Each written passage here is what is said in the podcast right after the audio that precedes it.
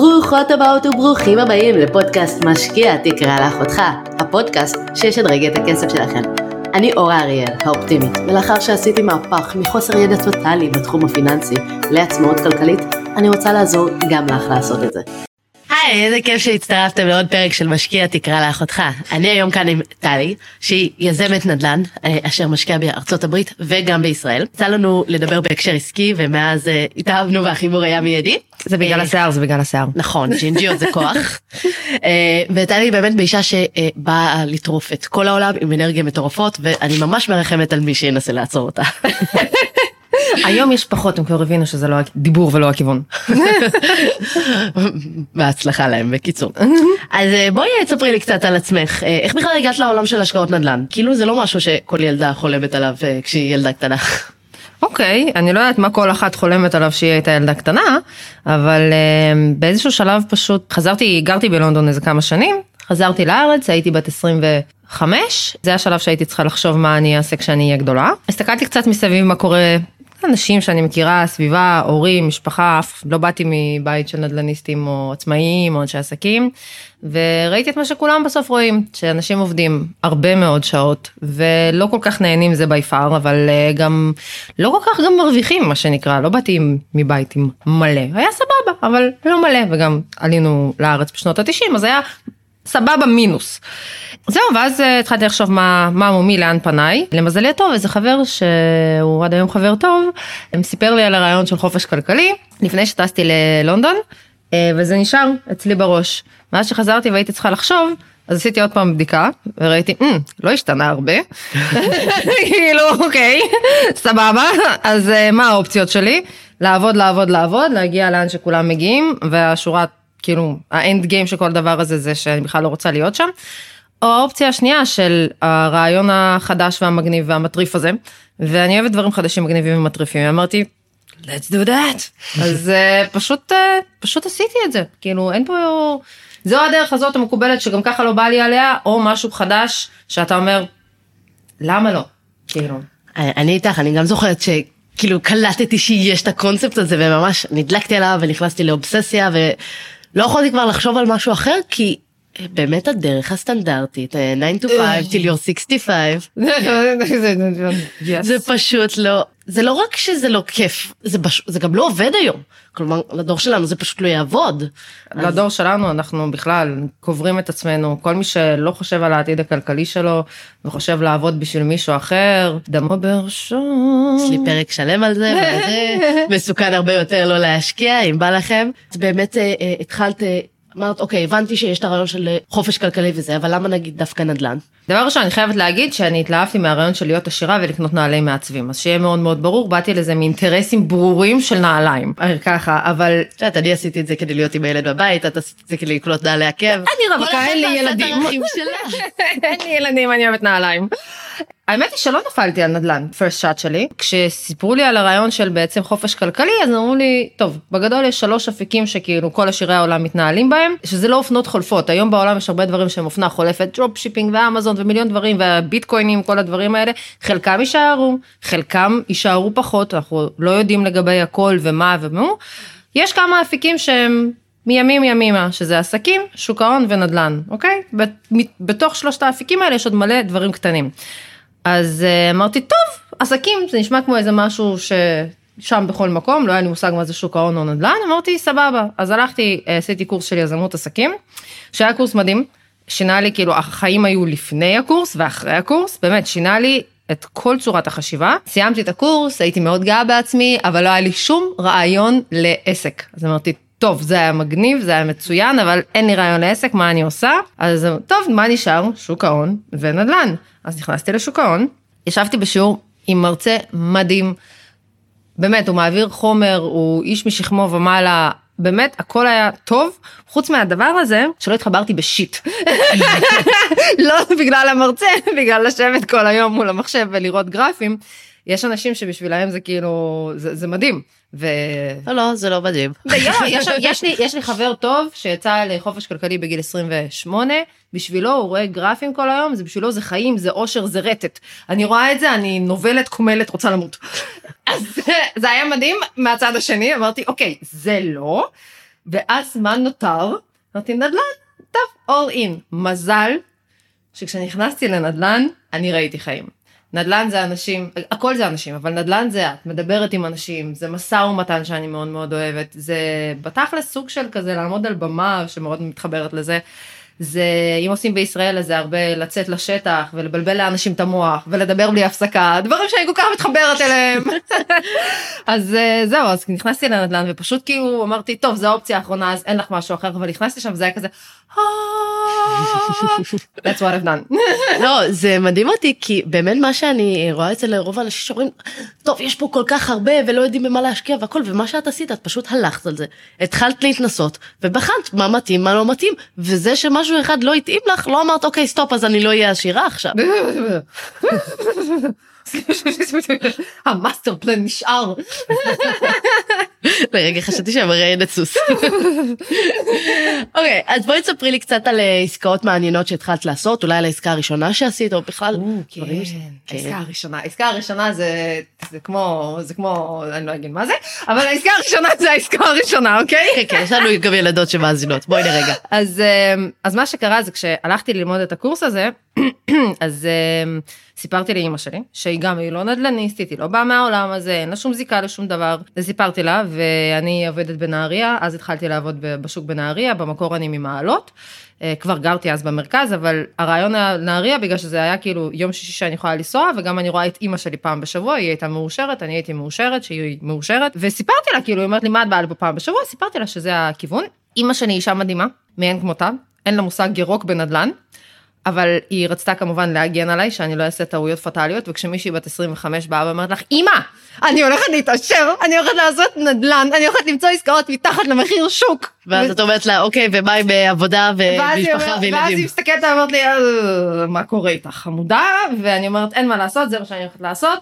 אז אמא שלי כמובן מטוב ליבה אומרת אין שום בעיה אני באה איתך. אז היא באה איתי לכל יום שטח כל יום שטח במשך חצי שנה וואו. כשאני בהתחלה אין לי מושג מה אני עושה רועדות לי הידיים אני מדברת עם מתווכים כאילו אומרת לך אני כאילו ככה אני לא כאילו אני לא מבינה מה אני עושה מעצמי ואימא של האישה המדהימה הזאת היא באה להגן עליי והדרך שלה להגן עליי היה לספר לי כל בן אדם שדיברתי איתו כל דירה שראיתי כל צעד שעשיתי שזה פשוט זה אין דבר כזה אי אפשר את חולמת זה לא יקרה מה פתאום את בת 25 מאיפה נפלת את משוגעת בלה בלה בלה. בקיצור, הסביבה אופטימלית כדי לצמוח. היה לנו כיף. מה זה חצי שנה של של כסח של ריב. וואו אני לא יודעת איך איך היא שרדה את זה אני לא יודעת איך אני שרדתי את זה אבל נחישות מסתבר שזה אצל משפחת קפלן כי אני לא פספסתי יום שטח וגם אמא שלי לא.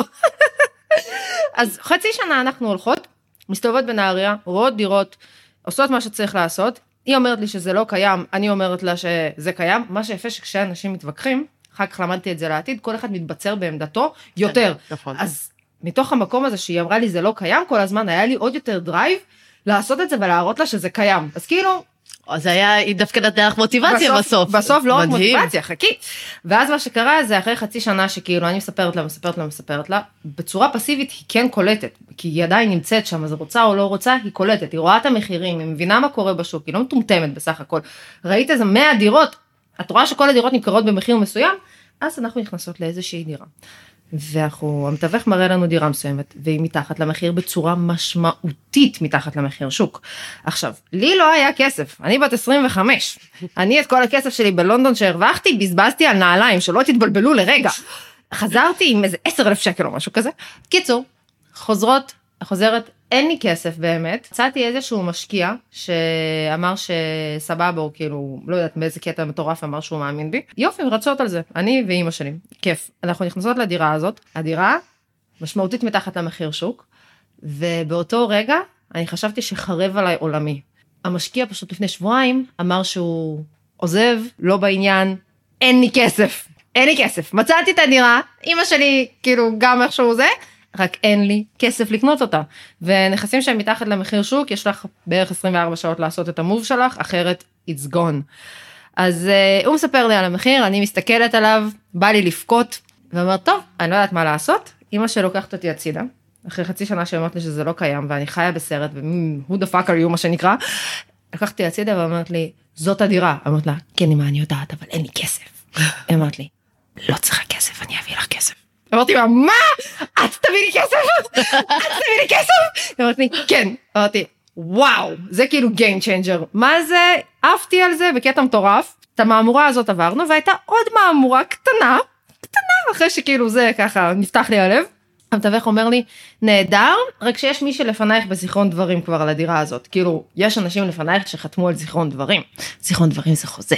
זה חוזה מחייב. זה כן. חוזה מחייב, אממה, אני מראה לך אותה כי היא כבר גוררת אותו מזה חודשיים, היא לא מצליחה לקבל משכנתה, ולא נעים להם, וכן נעים להם, ואני הראיתי לך בכל מקרה, ובלה בלה בלה בלה בלה.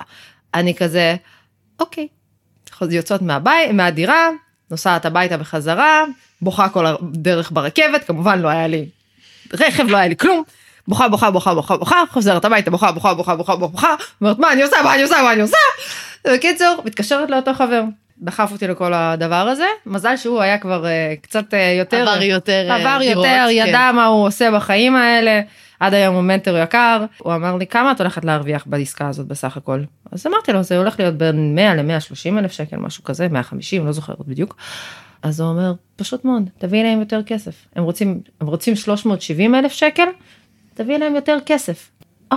זה רעיון. חזרתי אליהם, הבאתי להם עוד 15 אלף שקל, אמרתי תוציאו אותם מהחוזה, אני מביאה לכם עוד 15 אלף שקל, הם היו חמישה אחים, יורשים, כל אחד מקבל עוד 5 אלף שקל, לא סליחה, 3 אלף שקל, כן. 3 אלף שקל, פשוט תגידו לה שנעים לא נעים, אבל בואי גם כאילו נגמר לך הדדליין anyways, מה שנקרא throw money at the problem. כן.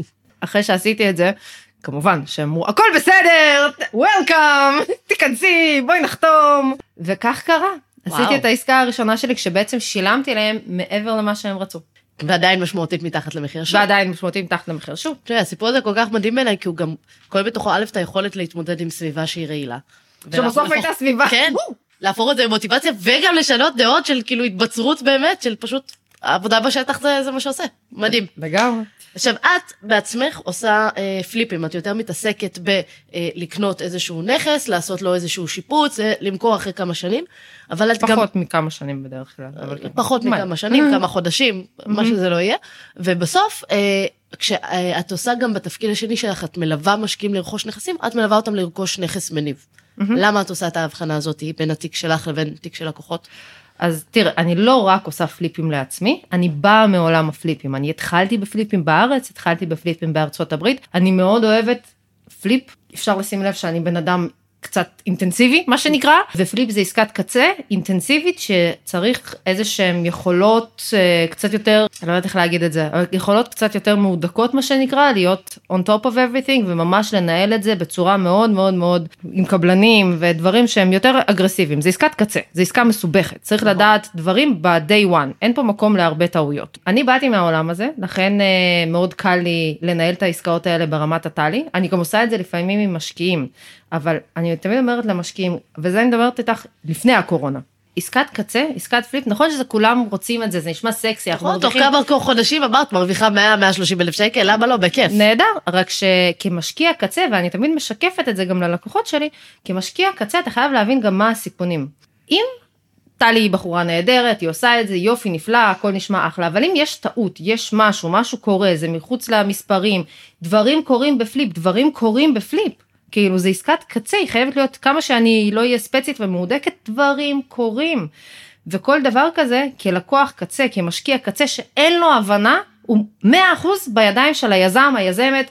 אם היזמת איטלי אז נחמד, אם זה יזם אחר שהוא קצת פחות אה, הגון זה נחמד, וגם אם זה יזם שהוא מדהים, הוא גם עושה טעויות, כולנו בני אדם. גם דברים יכולים לקרות. דברים זה- גם זה- קורים. עסקאות הן יותר, אה, זה, גם אם זה האנשים הכי מצוינים, דברים יכולים נכון, לקרות. ואז הרווח ישר מתקצץ. עכשיו, זה עסקאות קצה, זה עסקאות אינטנסיביות, זה לא מתאים לכולם. יש חבר'ה שאני כבר עושה איתם עסקאות והם מכירים אותי ואני עושה איתם איזשהו מהלך, עם כאלה אני מוכנה להיכנס גם לעסקה שהיא בעצם יותר אגרסיבית מה שנקרא, לא עסקאות של חבר'ה שרק מכירה, אין להם את היכולת, אין להם יכולת מנטלית אולי להכין את זה, ואז הם מתחילים להיות מאוד מאוד לחוצים, להלחיץ אותי, להלחיץ את כל המערכת, והעסקה בטוח יוצאת פחות טוב. עכשיו זה יום לפני הקורונה. עכשיו מה שקורה היום בקורונה, אחד, דבר ראשון יש כזאת עליית מחירים מטורפת בשוק, שהעסקאות שהיו סקסיות לפני, שאנחנו מרוויחים 10% על הכסף שלנו בתקופה של נגיד שנה, שאנחנו עושים את זה עכשיו בעסקת רנטל, עסקת רנטל זה עסקה עדינה, כאילו יש שיפוץ יחסית אנחנו. מדברים על נכס מניב, כלומר קונים את הדירה, מקבלים את השכירות ונהנים מזה. יחסית פשוט, זה, זה, זה עסקה שהיא יותר עדינה, יותר מתאימה למי שלא מתעסק בזה, יותר קל להבין אותה, יותר קל לנהל אותה. עכשיו, בתוך כל העולם שקורה עכשיו קורונה וטיפה אחרי, אנחנו מקבלים פחות או יותר בתחשיב, לא ניכנס למספרים ולחפור לאנשים את המוח, אבל בתקופה טיפה יותר ארוכה של שנה וחצי, שנתיים, אנחנו מגיעים פחות או יותר לאותן צורות שהיינו עושים בפליפ, בלי כל הלחץ שיש על המשקיע, במיוחד שהוא יחסית צעיר לתהליך, צעיר לתהליך, הוא לא חייב להיות צעיר בגיל, אבל חדש, בתקופה שהיא אולי טיפה יותר ארוכה, אבל בנדל"ן זה לא כזה כן. הבדלים גדולים, אבל בעסקה שהיא יותר עדינה, בעסקה שהיא מתאימה, בעסקה שהוא ישן טוב שיש בלילה. בה פחות סיכון. כן, חוץ מזה שיש גם את הדבר הזה שבעסקת פליפ, כשמשפצים וכל הדברים האלה קורים, את לא מקבלת כסף, כאילו את שמה כסף, נכון. ואין לך בעצם תשואה, את מקבלת את זה רק בסוף הפרויקט, הרווחנו יותר, הרווחנו פחות, מה קרה, מי קורה.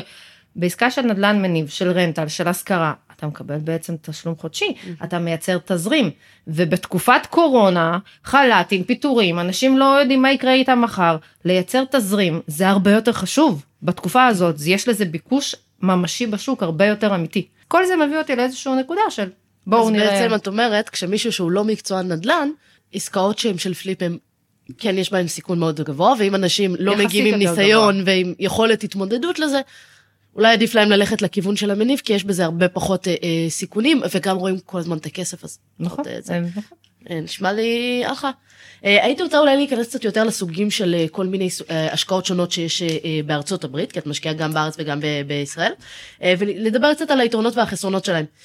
אז דיברנו על flip מול נכס מניב, יתרונות, חסרונות, אבל מה עם single family לעומת multi family?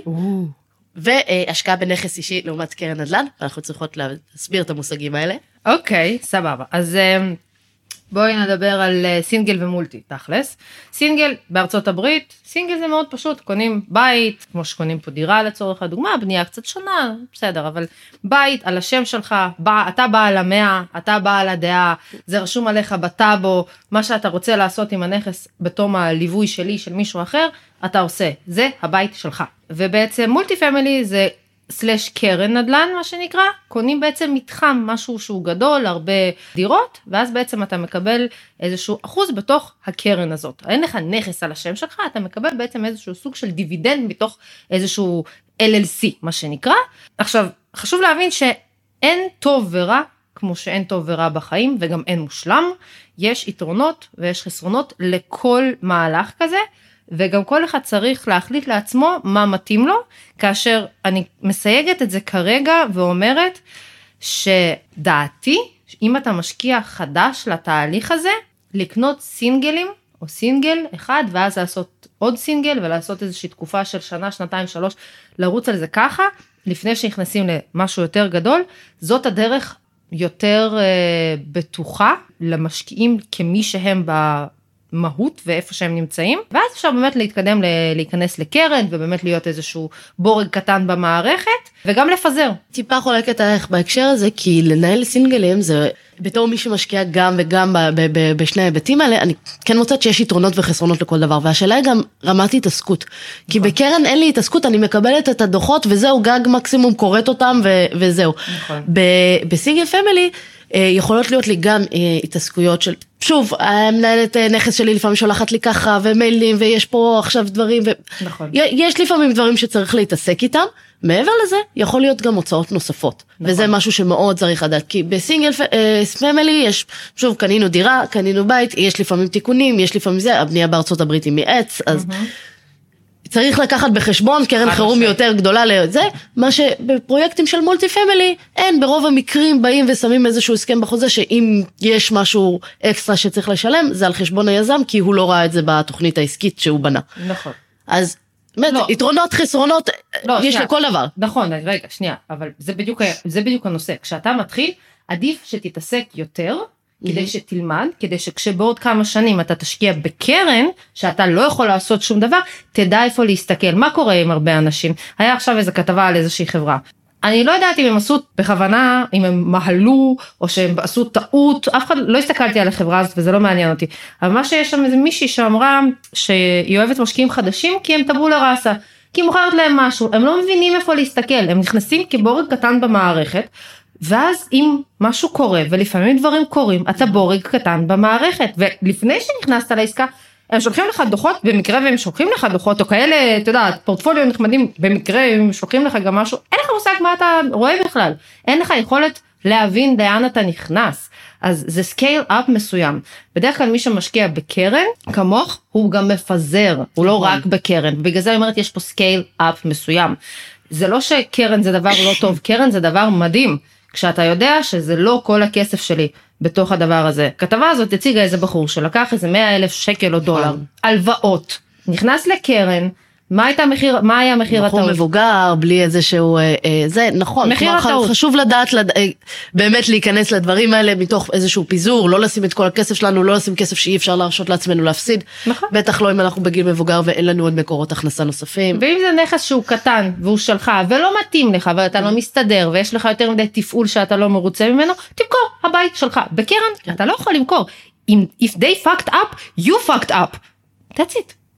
כן. בואי, בואי נגיד אה, לגבי כל הנושא של אה, נדל"ן חו"ל, התחלת לדבר על איזשהו אה, מקרה, אבל יש כל מיני באמת דברים שהם עוקצים ועונות, כי מה שהיה שם, מאמינה יותר שזה אה, ניהול טוב. בעייתי, או מימוש של סיכונים, אבל אה, לפעמים יש גם באמת עוקצים, לפעמים יש גם באמת דברים שזה, ו- וכמו שאת אומרת, גם כשמדברים על מישהו שמלווה נדל"ן בחו"ל, או מדברים על קרן נדל"ן בחו"ל, יש דברים שצריך לבדוק, ורוב האנשים אפילו לא יודעים לעשות את הבדיקה הזאת, כי אני רואה הרבה חברות שהן באמת חברות שאני יודעת כן. שעובדות על המשקיעים ועדיין פועלות בלי שום הפרעה. אנשים אפילו לא עושים גוגל, להשקיע שם, אלוהים, נכון, זה נכון. פשוט, דבר ראשון צריך לבדוק הכל, בין אם זה single family שאנחנו קונים עם מלווה, בטח בטח אם אנחנו עושים את זה לבד, לבדוק, לבדוק, לבדוק, ובטח אם זה איזושהי חברה גדולה. נכון. single family אגב זה הרבה יותר קל. ברור, בגלל זה משקיע חדש. תתחיל בסינגל, אתה יכול לבדוק יחסית מהר ובפשטות ודי מדויק, שאיך, איך, שמה שמביאים לך זה לא חתול בשק. לא, אני שואלת אותך, איך, אה. איך אתה בודק את זה? הבנתי. אז קודם כל, אם אתה לוקח אה, מלווה או מישהו שאיש מקצוע שבעצם אה, לוקח אותך את הדרך, לא, מה זה לא להתבייש? לבקש. לדבר עם אנשים שעשו איתם את העסקאות, כאילו, בעבר, ולדבר איתם, זה מדהים, לפעמים אנשים מבקשים טלפונים, ולא מתקשרים ללקוחות, כאילו, מה הקטע? תדברו עם אנשים, ותשאלו אותם שאלות אותנטיות, באמת, אני אומרת, מהלב, לא איך היה, נו, באמא שלכם. אני מפחד, אני חושש, זו עסקה הראשונה שלי, הרי הבן אדם בצד השני, הוא היה באותו, באותם הנעליים לפני חצי שנה, שנה, שנתיים, מתישהו זו הייתה העסקה הראשונה שלו, היו לו את אותם החששות, הוא יספר לך איך אותו מלווה, מלווה, וואטאבר, עזרו להם לעבור את המקום הזה, ואז אתה תבין שאתה בידיים שהן טובות, וגם תשאל אותו בסוף על העסקה. עכשיו מעבר לזה, קשר אישי. כשאנחנו לוקחים איש מקצוע שבעצם הולך לקחת אותך את התהליך הזה, להרגיש טוב, תקשורת טובה, זה א' ב', זה, זה, זה מצפן, הרגשות שלנו זה מצפן אמיתי שיש להתייחס אליו. נכון. לא לשים את 100% ההחלטה שלנו על הרגשות שלנו, אבל אם אתם נכנסים לאיזושהי פגישה והתקשורת לא נעימה לכם, למרות שדיברתם עם הלקוחות עבר שלו והוא הראה לכם עסקאות והכל, וואלה, let it go. זה לא ילך, התקשורת לא טובה. תיקחו את המקום הזה להבין שבאמת יש שם בן אדם בצד השני, שההצלחה שלכם וההצלחה שלו שזורים ביחד, יש לו עניין בתוך הדבר הזה, להכיר את הבן אדם, להרגיש טוב איתו, זה סופר חשוב. לא רק להסתנוור מ... באמת, אני אומרת, ממשרד יפה, כמו שקורה להרבה מאוד אנשים, משרד יפה ופורטפוליו כן. מנצנץ. אם אתם לא מרגישים שהבן אדם רוצה להיות איתכם, זה, זה כאילו דגל. אתם מרגישים שהוא רוצה להיות איתכם, אתם מרגישים שהתקשורת טובה, אתם מרגישים בטוח במקום הזה, לא 100%, אין דבר כזה 100%, אבל מספיק טוב, תעברו לשלב השני.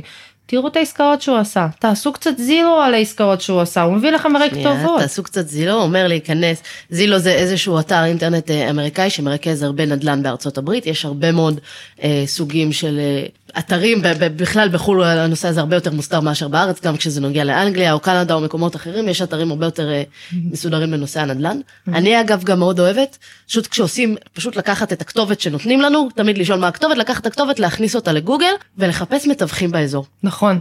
זה, זה הכי קל, הכי פשוט, להתקשר. לשתיים שלושה מתווכים, סבבה, זה שיחה long distance, זה בסדר, יש היום כל כך הרבה פתרונות טכנולוגיים. ללעשות את השיחה, תתקשרו, נכון, תדברו באנגלית רצוצה, זה, זה בסדר, הכל טוב.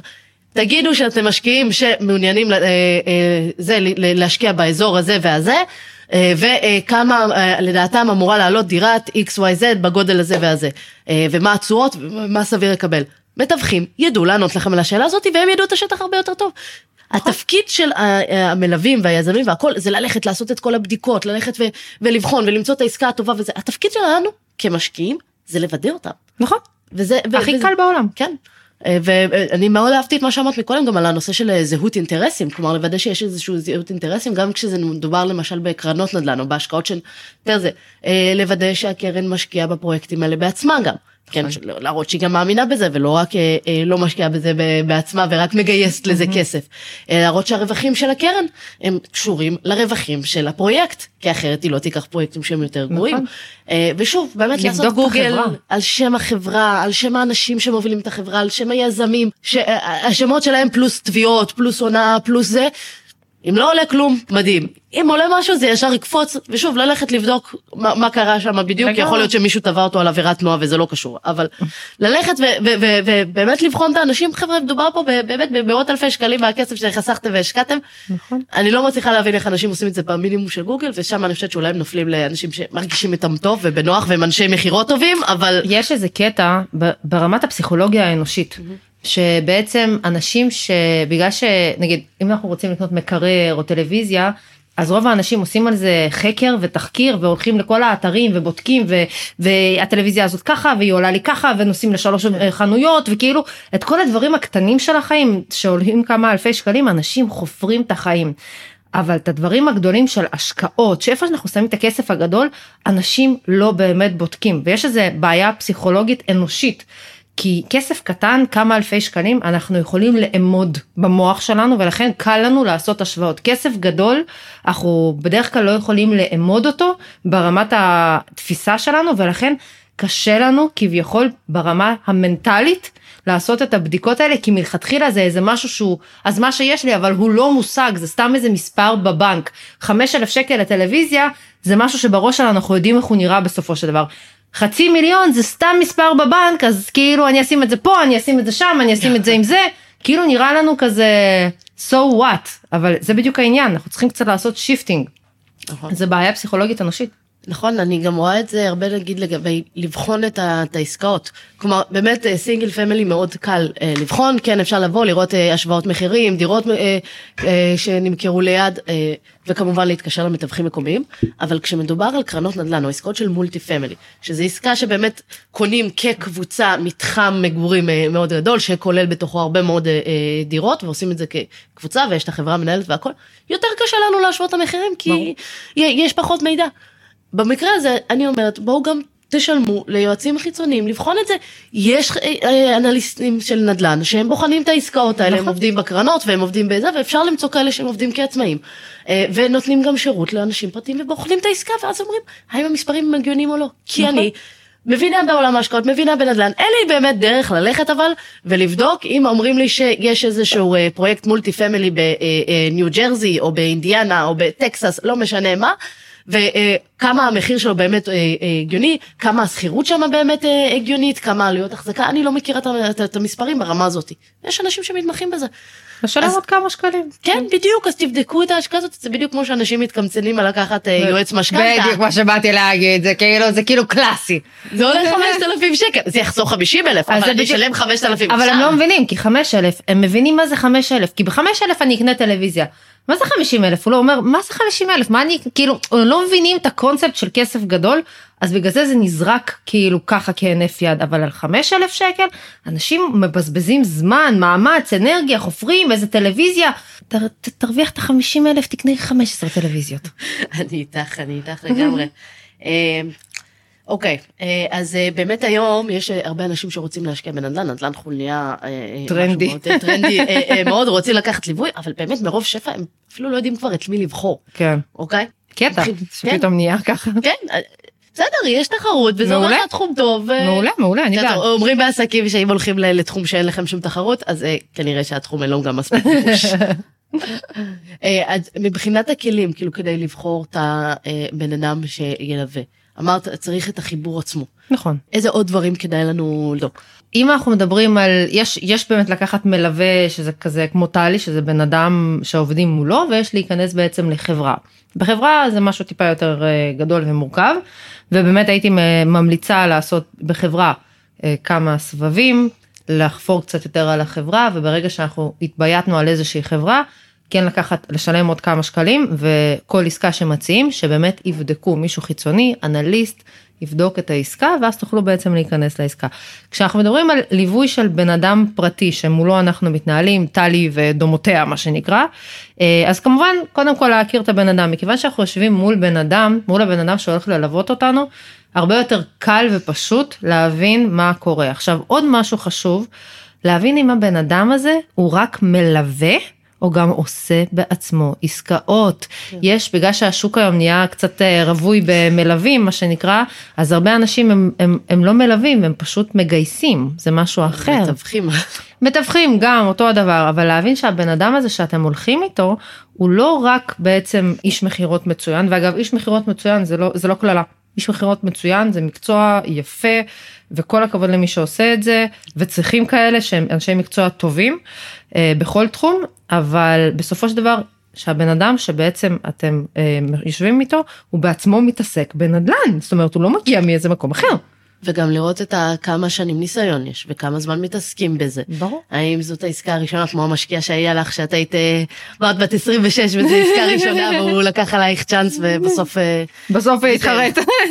אז באמת גם לבחון את הניסיון של האנשים גם לבחון את, את רמת הידע אם הם מתמחים בשוק אחד ספציפי או הולכים לכל, לכל מקום. כי כן. שוב יש יתרונות יש חסרונות לכל דבר אם יש להם אנשי שטח שמתמחים בכל אזור אז זה מעולה אבל אם לא זה פשוט יכול כן. ליצור מאוד בעיה. אז אני מאוד מעדיפה את החבר'ה שבאמת יודעים לעשות משהו ויודעים לעשות אותו טוב ויודעים להתמחות ולעשות את הדברים כמו שצריך. יש להם את הדרך שלהם ולשאול שאלות לא להתבייש לשאול שאלות הכי מעיקות ומציקות ואני אומרת כל הזמן לאנשים תהיו מטומטמים בהתחלה גם אם נראה לכם שאתם יודעים משהו גם אם אתם כבר עברתם את זה גם אם ישבתם עם 15 מלווים ואתם כבר יודעים את התשובות, תשאלו את כל השאלות הקטנות המציקות את הבן אדם שאתם יושבים. אחד, תראו איך הוא מגיב, אוקיי? לכל השאלות הקטנות והמציקות. שתיים, אם הוא יספר לכם משהו שאתם עוד לא יודעים, הרווחתם.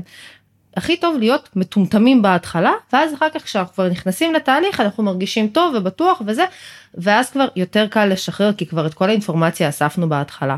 אז תהיו מטומטמים בהתחלה, לא להיות כאילו believers בהתחלה, אה יופי נחמד לי כיף לי, ואז כשנכנסנו אז לשאול את השאלות של סליחה, מה, מה קורה בתוך העסקה? איפה אנחנו בכלל קונים? מה תהיה הצורה? איך את יודעת שתהיה הצורה ככה? עם מי את עובדת? מה את עושה? אנחנו מקבלים תוכנית שיפוץ? מה קורה? כאילו, את כל הדברים האלה לברר לפני, להיות מהודקים על התהליך לפני. באמת לשאול את כל השאלות, לא להתבייש, וכמובן, אנשים ממליצים, לדבר איתם. חשוב. אני גם אומרת לגבי הממליצים, אה, לא ללכת לבדוק את זה דרך הבן אדם, כי בסוף... אם אני עכשיו כאשת מקצוע ישאלו אותי נגיד אה, בואי תביא לי ממליצים אני אביא את האנשים שהכי עפים עליי והכי אוהבים אותי ואני לא אגיד מישהו שיגיד היא בסדר. די די אין אף אחד שאומר שאת בסדר. כולם אומרים שאת מדהימה. די תמשיכי. שאלתי. אז אה, אני אומרת תלכו יש היום כל כך הרבה קבוצות פייסבוק יש היום קבוצות וואטסאפ קבוצות של משקיעים. תלכו את הגשש ותשאלו דעות אובייקטיביות של אנשים ולא את ה... כי הם יעשו לכם cherry picking, נכון, ייתנו לכם את הממליצים, תתקשרו, הם ייתנו לכם את האנשים שהכי מרוצים. תחפשו את האנשים שאולי פחות מרוצים. אבל זה מה שאני אומרת, כששואלים ש...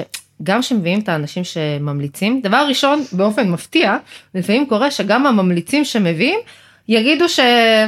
כאילו לא יעופו מה שנקרא על הדבר הזה ועל הבן אדם הזה וזה בסדר. אבל מה שאני אומרת שגם הממליצים לא להיות תוכי. תשאלו שאלות מהלב, כשאתם פותחים את הלב לבן אדם שהוא ממליץ ושואלים אותו שאלות אמיתיות, אני חושש, אני לא מכיר את המלווה, את היזם, את היזמת, כשאתם חושפים את הלב שלכם, הצד השני יחשוף את הלב שלו, הוא יגיד לכם תשובות אותנטיות, אמיתיות, הוא יגיד לכם, וואלה, תשמע, גם אני נורא פחדתי, אבל המלווה מלווה הזאת עזרו לי, או שפחדתי עד הרגע האחרון, אתה צודק, אני בשן ועין יצאתי מזה, ואני, למרות שהעסקה יצאה אולי בסדר, אני, אני עכשיו מחפש מישהו אחר. תפתחו את הלב שלכם, תשאלו שאלות אמיתיות, אתם תראו אפילו איך הממליץ, או שהוא ימליץ בכנות את מה שיש לו על הלב, או שפתאום בצד השני אתם תשמעו סדקים בעלילה, וזה בסדר גמור. תשאלו את השאלות האמיתיות.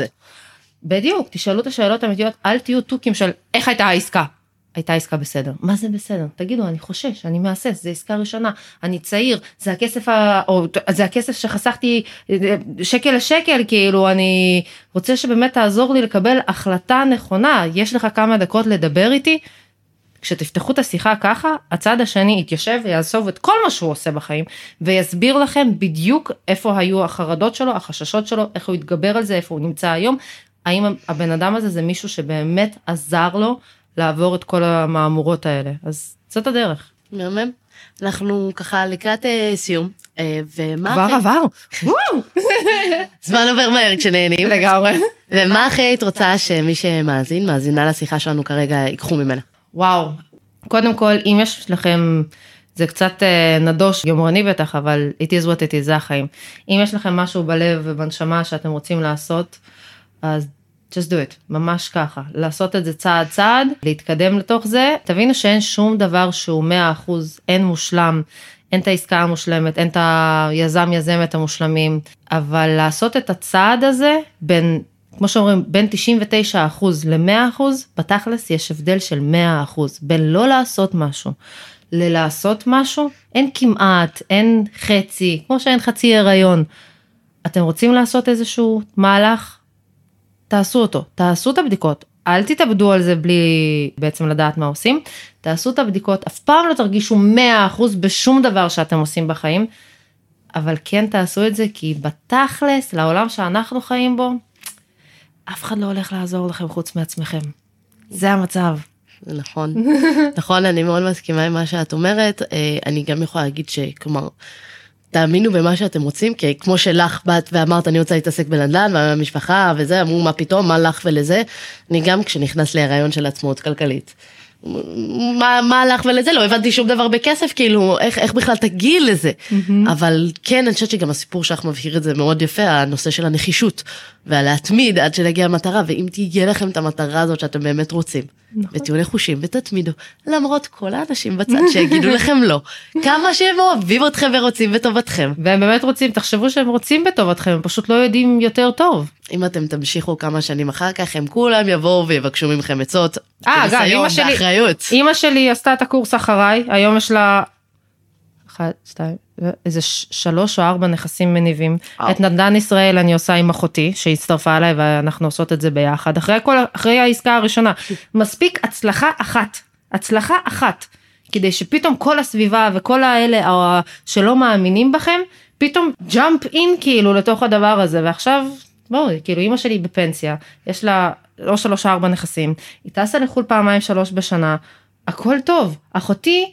היא סיימה את הצבא בגיל 21, הסתכלה עליי, אני בדיוק הייתי אחרי העסקה הראשונה, מסתכלת עליי, אומרת, מה אני אעשה בחיים? אני הולך לעבוד? אחותי כל היום בים, מה אני אעשה? אה, אה, לא לקח לה הרבה זמן, בום, בגיל 21 אחותי עשתה את העסקת נדל"ן הראשונה שלה, והיום אנחנו עושות נדל"ן בישראל ביחד כבר עשר שנים, אז פתאום מספיק הצלחה אחת אחת, בשביל שכל הסביבה כאילו הרעילה באה ותומכת. מהמם, סיפור מדהים. טלי, תודה רבה לך. תודה לך. על השיחה ועל הפרץ אה, אנרגיות המדהים. ג'ינג'יות. ואנחנו נתראה בפרק הבא. ביי ביי, להתראות. תודה רבה שהאזנת למשקיע תקרא לאחותך. להמשך העשרת הידע הפיננסי, אני מזמינה אותך לקרוא בבלוג, להירשם לערוץ היוטיוב ולקורסי ההשקעה של האופטימית. וגם להצטרף לקבוצת משקיעים בדרך לעצמאות כלכלית בפייסבוק. אגב, מחקרים מראים שפרגון משפר את המצב הכלכלי. כן, כן, דירוג הפודקאסט או עמוד האופטימית בפייסבוק יאפשר לך גם לפרגן וגם לעזור להעביר את המידע הלאה.